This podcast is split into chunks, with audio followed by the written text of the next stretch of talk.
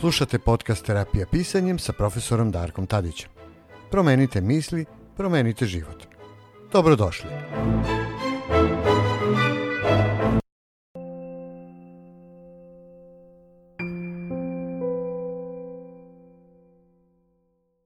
Kako pisanje leči?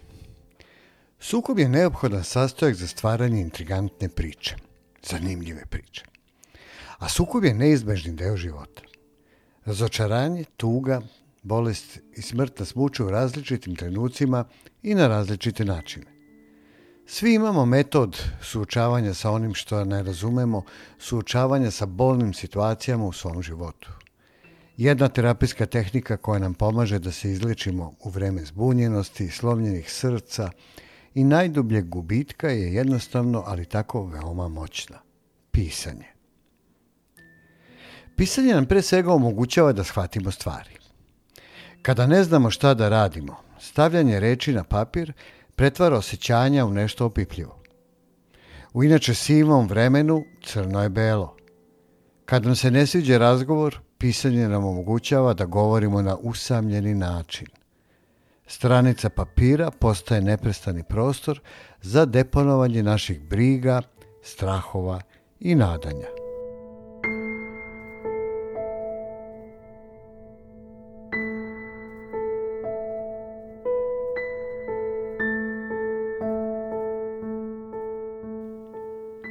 Opet, sa druge strane, pisanje nam pomaže da pustimo i prihvatimo da možda nikada nećemo naći odgovor.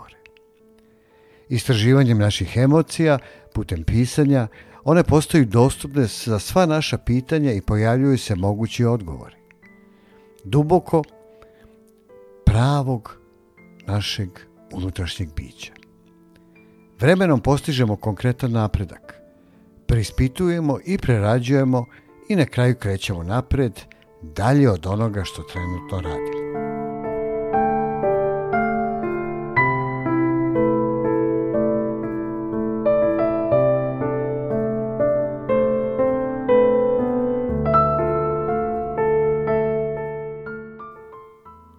opet sa još jedne strane pisanje poboljšava naše mentalno i fizičko zdravlje. Istraživanje dokazuju da je pisanje o zabrinjavajućim problemima jača naš imunološki sistem i poboljšava naše emocionalno zdravlje, što za uzrat postaje korisno za naš život na mnoštvo načina. Pisanje nam daje prostor za razumevanje, smirivanje, obradu i oslobađanje negativnih emocija. I to zaista radi.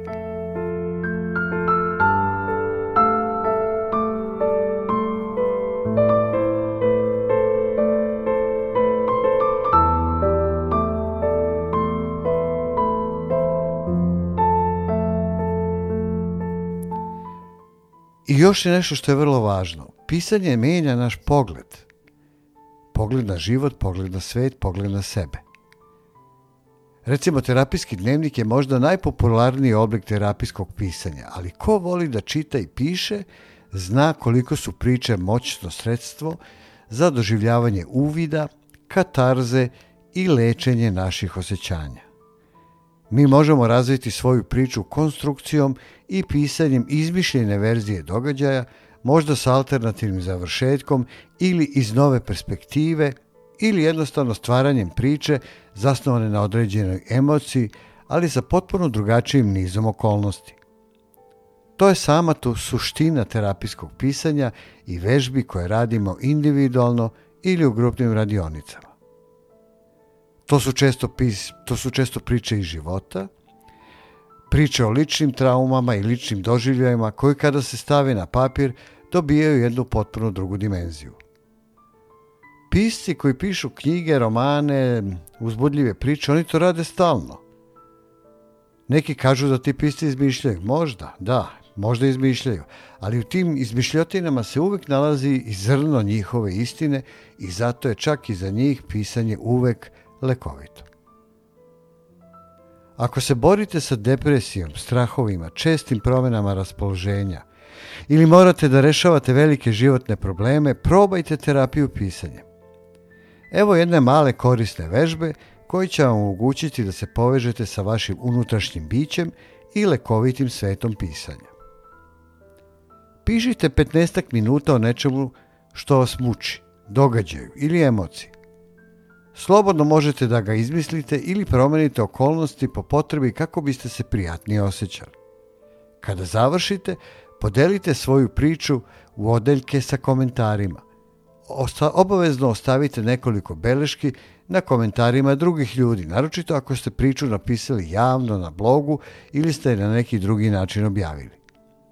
Znam da je ova vrsta pisanja po svojoj prirodi lična – pa ako ne želite da objavljujete svoju praksu ili svoje događaje ili svoje traume danas, javite mi šta mislite o lekovitoj moći pisanja. Ili nam se pridružite na radionicama.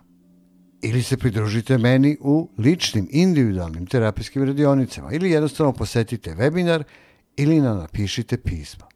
U svakom slučaju pišite. Pisanje je moćno i lekovito.